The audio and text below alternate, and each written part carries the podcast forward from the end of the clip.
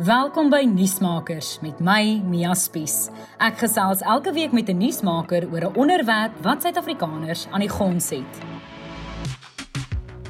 Die Russiese inval in Oekraïne verlede week oorheers nog steeds wêreldwyd die hoofopskrifte. En hoe dan anders? Dit is die grootste aanval van een land op 'n ander in Europa sedert die Tweede Wêreldoorlog. Maar baie mense weet steeds nie regtig waaroor dit gaan nie. Wat soek Rusland by Oekraïne? Wanneer het die konflik begin? Is dit oorlog? Wat is NAVO en wat het die organisasie met die konflik te maak? Ek het antwoorde kom soek by professor Joansi van Wyk, hoogleraar in internasionale politiek verbonde aan Unisa. Joansi, in die eenvoudigste terme moontlik, indien dit moontlik is, hoekom beklei Rusland en Oekraïne? Ja, goeiedag Mia.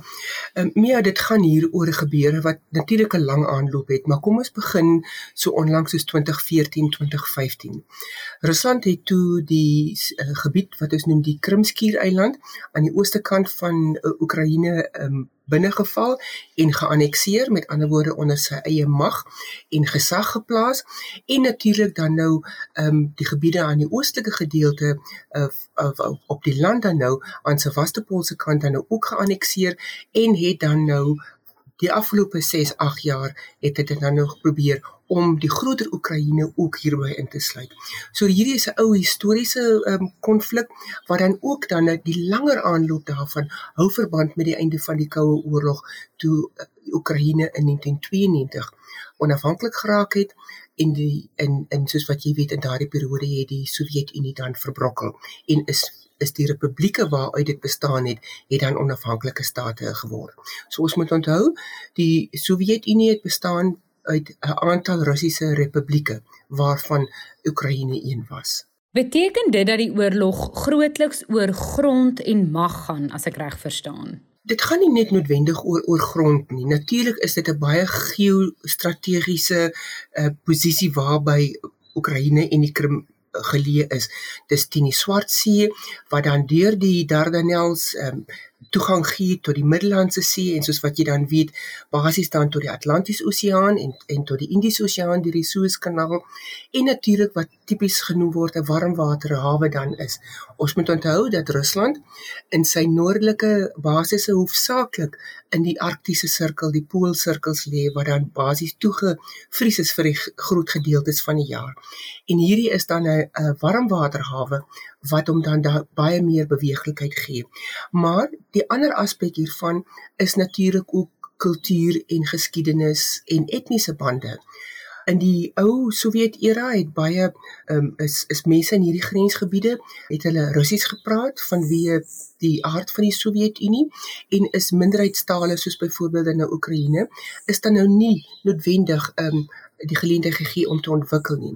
En baie russe soos wat tipies in in grensgebiede gaan, het oor en weer beweeg soos wat tyd beweeg het en een van die redes vir hierdie inval wat president Vladimir Putin um, genoem het, is dat hy wil die Russiese, die etniese Russe wil hy terugkry in Rusland onder sy grondgebied en sy gesag.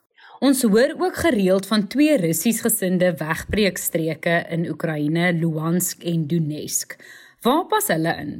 Wel onder meer, ehm um, dit dit is dit is natuurlik die eerste teikens wat ehm um, in die Donbas streek wat Putin dan nou geannekseer het of dan nou ingeval het in hierdie gebied. Maar ons weet ook dat hier 'n lang geskiedenis is van uh, Putin, um, hy's 22 jaar al in bewind byvoorbeeld. So wat hy oor oor tyd heen dan nou uh, wat hulle noem separatistiese rebelle groepe, met ander woorde, groepe wat wil afskei en hulle eie staat skep um, ondersteun het militêr dan nou en dan nou andersins finansiëel ook. So ons weet dat daar is groot band tussen hulle en natuurlik ehm um, hulle wat het dan tipe van 'n afhanklikheidsverhouding geskep soveel so dat hulle dan nou baie verwelkomend was toe Rusland dan nou uiteindelik besluit het om stewels op die grond te sit en die gebied in te val. So hierdie gebiede is etnies Russies maar hulle is natuurlik deel van 'n soewereine staat, naamlik Oekraïne, wat dit dan nou baie moeilik maak vir die internasionale reg vir enige staat om dan nou af te skei. Um, en die internasionale reg is dan 10 die skep van state aangesien dit is um, een van die grond um, 'n uh, bakens daarvan is dat 'n staat se grense moet gerespekteer word. Ons hoor ook nou gereeld van die Noord-Atlantiese Verdragsorganisasie, oftewel NAVO. Wat het hulle meer uh, in die laaste paar jare met hierdie konflik te maak? Ons wat oud genoeg is om die Koue Oorlog te kan onthou, sal onthou dat dit gegaan het oor basies die Weste, Europa en die VSA, wat dan teenoor die Sowjetunie waarvan Rusland dan nou die grootste staat was en sy ehm um, republieke was en dan nou die bondgenote elders in die wêreld. Teen die einde van die Tweede Wêreldoorlog uh, toe Rusland uh, um, deel was van die geallieerde moondhede saam met die VSA en die um, Europese state wat die oorlog gewen het, het hulle natuurlik nou um, teen um, Duitsland opgestaan en die vredesprosesse dan nou gelei. So bande met die Rusland in daardie stadium was nog baie goed, maar na mate die oorlog dan nou um, toe dit geëindig het, het natuurlik nou die magskonflik wat ons vandag noem die Koue Oorlog ontstaan tussen um, die Sowjetunie en dan nou die Weste. En hierdie konflik het dan nou toenemend 'n uh, militêre aard aangeneem. Soveel so dat die uh, Europese lande besef het, maar ons sal moet vir ons 'n beskermingsmeganisme kry. En hierdie meganisme het dan die uh, Noord-Atlantiese Verdragsorganisasie geword waarby Europese lande sowel as Amerika betrokke is. En dan aan die ander kant het Rusland dan um, met sy satelliete en sy uh, bondgenote wat ons noem die Warskou Verdrag of die Warskou Pak ge, geskep. Dit kom daarop neer die ou Brakkenian verhaal one for all and all for one. So 'n aanval op een is 'n aanval op almal. So dit is dan 'n wederwysige sekuriteitspak wat gesluit is en natuurlik met die val van die um, Sowjetunie het daar eenvoudig nie meer volgens 'n klomp van hierdie state bestaansreg vir die Warskoupak bestaan nie. Want baie van die state wat voorheen deel was van hierdie Sowjetunie se invloedssfeer het besluit maar goed ek wil eerder in die Europese staat wees en homself dan meer en meer toenemend na die Europese Unie um, gewend met ander woorde dan binne die invloedsfeer van NAVO en selfs lidmaatskap. So NAVO is dan nou wat ons vandag nog kan sê die grootste en die sterkste militêre alliansie met dan hierdie Brakkenian filosofie as ek dit so eenvoudig kan stel, een vir almal en almal vir een. En dit is die waaroor die gesprek ook nou gaan is om Oekraïne in NAVO in te kry want dan is daar bestaansreg om fisies en in die openbaar tot um, Oekraïne se hulp te snel.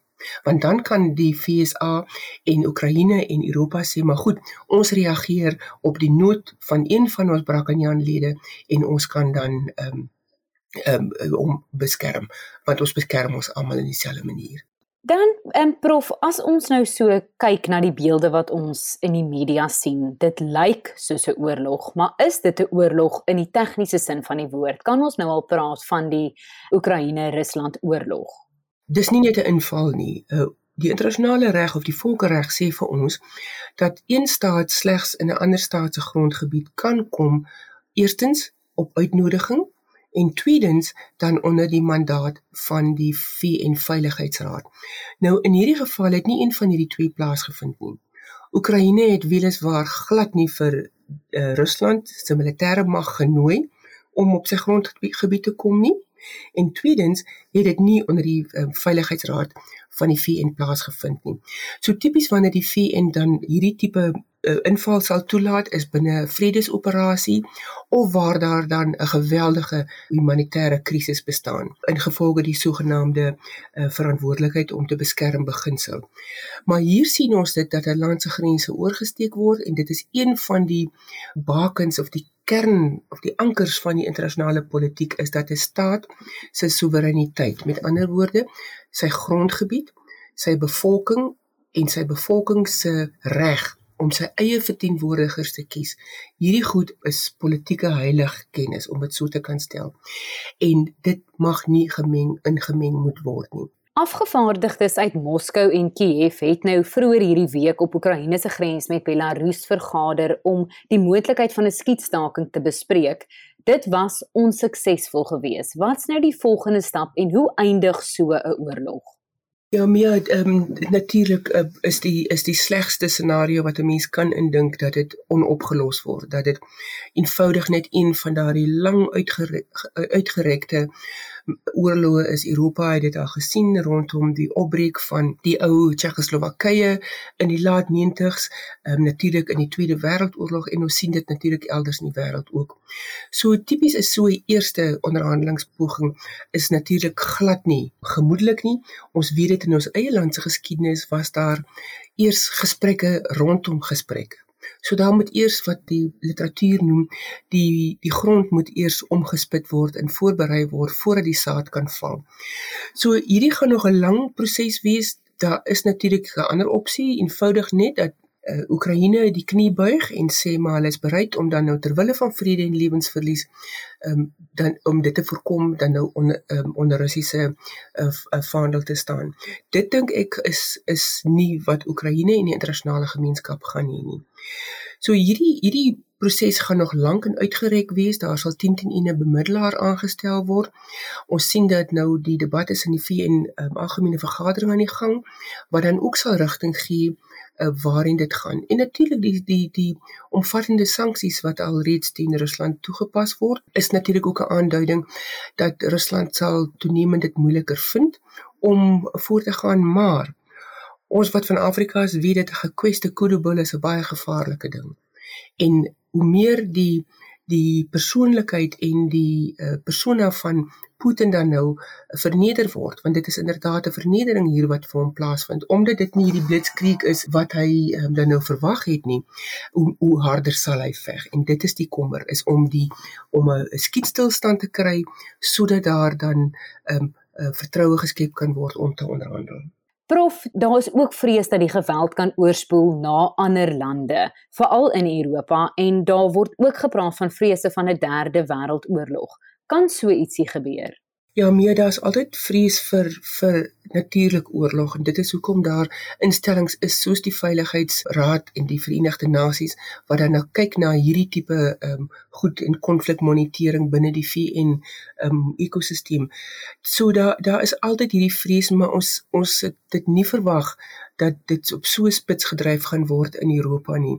Ons het gedink situasies in die Midde-Ooste, miskien met Kim in, in Noord-Korea gaan die probleem wees of dan nou miskien Afrika is 'n groter kans waar dit gebeur.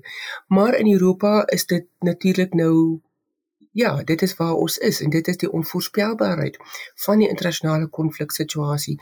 Hoewel daar tog aanduidings was van verlede jaar al af dat, dat Rusland is besig om te beweeg in die omgewing, maar dit Putin het dit verduidelik as militêre oefeninge en natuurlik dan nou daarmee die aandag afgetrek.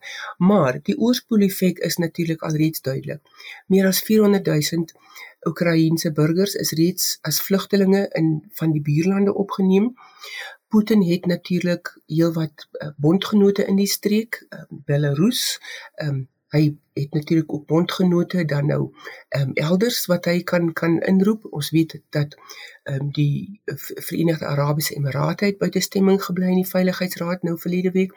Indië is 'n groot bondgenoot, China is 'n groot bondgenoot.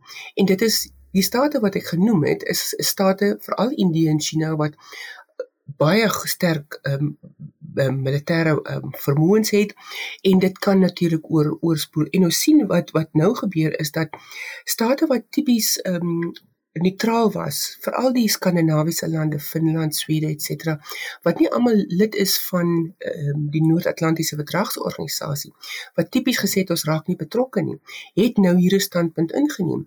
'n land soos so Switserland wat vir 800 jaar lank neutraal was het gister aangekondig dat hy die Europese sanksies teen Russe um, en Russiese besighede wat geld in in in hom belê gaan gaan dan die sanksies gaan toepas. So hier sien ons al klaar dat die oorspoeleffek word dan nou probeer keer, maar Rusland het dan genoeg ander bondgenote elders wat kan byvoorbeeld wat ons insien betrokke kan raak by hierdie konflik. Die situasie is beslis op mespunt. Hoe lank kan dit so aangaan? Praat ons hier van weke, jare, maande of is dit onmoontlik om te skat? Kyk, um, ek en jy is natuurlik nou buitestanders. Ons weet nie wat die binnekring politiek is nie. Byvoorbeeld, um, mense het nou gedink maar vir 'n week lank het die Europeërs nou niks gedoen nie. Hulle het nou net gepraat en persvrystellings uitgereik en perskonferensies gehou. Maar dit het binne dan nou 4, 5 dae het dit dan nou gebleik dat hulle is besig om troepe, ammunisie, wapentuig ens te skuif nader aan die grens van Oekraïne. So dinge is definitief aan die gang. Daar is onderhandelinge wat plaasvind tussen ehm um, Oekraïne natuurlik en en die Europese ehm um, Unie en NAVO. Dit wil voorkom asof daar dan nou 'n paar opsies op die tafel is. Dan nou die onderhandelingsfase wat dan nou begin het wat natuurlik nou nie gevorder het soos wat ehm um, mense sou hoop nie, maar dit is tog te verwagte dat hulle nie met die eerste gesprek ehm um, mekaar gaan gelukkig hou nie. In die tweede plek is daar nou pogings in Europa aan die gang om Oekraïne ehm um, se lidmaatskap van die Europese Unie en NAVO te versnel. Nou tipies as 'n land by hierdie twee organisasies wil aansluit, dan moet dit deur 'n proses van kom ek noem dit akkreditasie gaan. Die staat moet aan sekere demokratiese vereistes, ekonomiese vereistes ens voldoen. Nou binne die Europese konteks is daar dan nou state wat gesê het, maar goed, hulle ondersteun dan nou as 'n eenmalige eh, toegewing dat dat Oekraïne dan nou lid kan word. Um, om die waarheid te sê, die president Zelensky het gisteraand 'n dokument onderteken wat deur sy parlement goedgekeur is om dan lidmaatskap aansoek te doen. En dit is die probleem wat Rusland het, is dat Oekraïne al meer en meer nader aan Europa gaan beweeg en hy het Europa uh, het um, ek sê tog Rusland het Oekraïne nodig want dit is 'n groot uh, kosmandjie graan vir 'n uh, produsent. Um, dit is 'n groot Europese land, uh, vir land so groot soos Frankryk ten minste. So hierdie konflik kan baie lank aangaan en want die punt is nie selfs al word daar nou 'n wapenstilstand afgekondig of vrede gemaak, Rusland gaan Oekraïne nie uitlos nie. So die die proses na vrede is myns insiens is is van groter belang is om daar te kom want Rusland gaan nie hierdie vernedering ongesiens laat verbygaan nie. Nuusmakers met Mia Spies is 'n produksie in samewerking met die Potgooi Produksiehuis Volume. Ons vervaardigers is Roland Perolt en Kairen Blau. Moenie volgende week se episode misloop nie wanneer ek weer by 'n kenner aanklop om lig te werp oor 'n kwessie waaroor ons meer moet weet.